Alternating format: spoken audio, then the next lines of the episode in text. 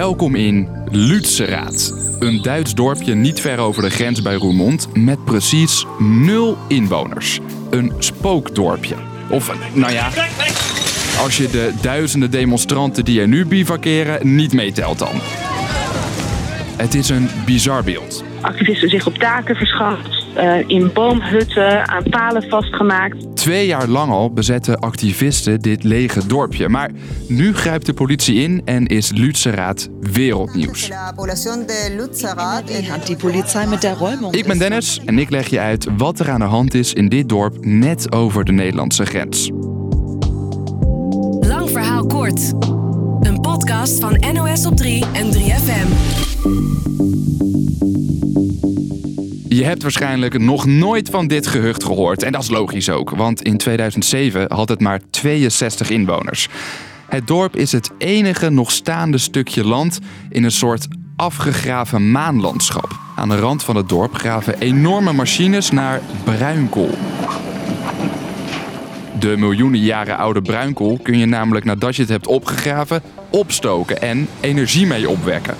En ook al is dat een van de meest vervuilende manieren om aan stroom te komen, voor Duitsland is bruinkool een heel belangrijke energiebron. Nou, niet alleen onder Lützerath ligt veel bruinkool. Maar dat geldt eigenlijk voor een heel groot gebied hieromheen ook. En al tientallen jaren wordt dat uitgegraven. Je hoort correspondent Charlotte Weijer. Zij is nu in het dorpje vlakbij de gigantische bruinkoolmijn. Daar is al meer dan 75 vierkante kilometer afgegraven. Dat is een gebied anderhalve keer zo groot als Nijmegen. Tientallen dorpjes zijn daarvoor al gesloopt. Nou, hier hebben ze bewoners weggekocht. Uh, die zijn dus al weg. Dus juridisch hebben ze het recht om hier ook de bruinkool uit te graven. Als het aan de gravende energiemaatschappij ligt, wacht Lützerath hetzelfde lot. Maar deze mensen staken daar een stokje voor. Nee, activisten komen niet naar Lützerath omdat ze hier zo graag willen wonen, maar om de uitbreiding van de kolenmijn te stoppen. Want, zoals ik net al zei, het stoken van bruinkool is heel slecht voor het milieu. Kan niet zijn dat we nog 18 lange jaren verder hier met de kolen Even naar 2020. Je hoort hier een milieuactiviste die in Lützerath protesteert tegen de plannen om het dorp te slopen en af te graven. Activisten bezetten het dorp. Ze bouwen tenten op, kraken huizen en bouwen boomhutten. En intussen betaalt de energiemaatschappij alle bewoners om te verhuizen, behalve één man. Hij blijft weigeren. Twee jaar lang houdt hij samen met activisten het energiebedrijf tegen. Zij zien hem als een held. Mijn naam is Eckhard Heukam, ik woon hier in Lützerath. De Duitse overheid wil ook stoppen met bruinkool. Eerst in 2038 zeiden ze, maar dat is nu vervroegd naar 2030. Dat deze bruinkolenkraftwerken Goed nieuws voor de milieuactivisten, zou je denken. Maar, zegt deze activist, op de korte termijn gaat Duitsland juist meer kolen gebruiken.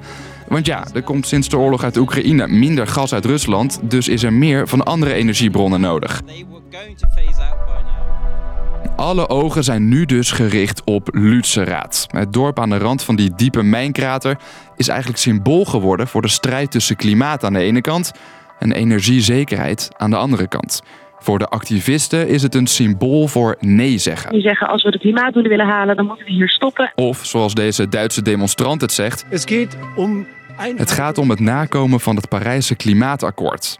Lange tijd hielden de activisten de boel dus tegen, maar de laatste boer die er nog woonde. Mijn naam is Eckhard Heukam, ik woon hier in Lützerath. Verkocht uiteindelijk onder dwang van de rechter zijn huis. En nu gaat de politie over op ontruiming van het overvolle spookdorp.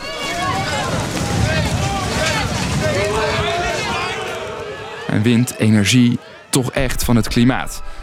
Het moet van de rechter. Sinds die uitspraak begin januari riepen verschillende milieuorganisaties mensen op om naar het dorp te komen. Om gezamenlijk toch nog nee te zeggen. En daar werd massaal gehoor aan gegeven. En we hebben net gehoord dat er agenten met grote ladders aan eh, het aankomen zijn, aan het arriveren zijn. Vertelt deze jonge activist. Maar goed, we zijn natuurlijk bereid om hier dagen te zitten. We hebben eten voor dagen, water voor dagen. We gaan ons zelf te barricaderen. Dat allemaal om bruinkool te stoppen. En de politie komt met een grote macht om de duizenden demonstranten van het terrein te verwijderen.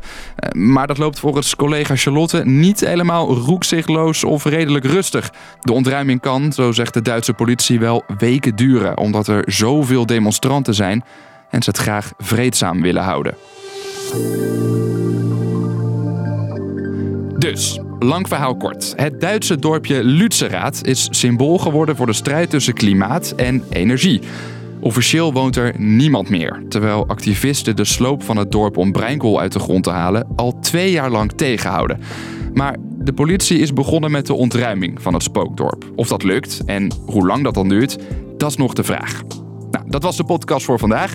Morgen zijn we er weer, net als elke werkdag, rond de klok van 5. Bedankt voor het luisteren. Doei!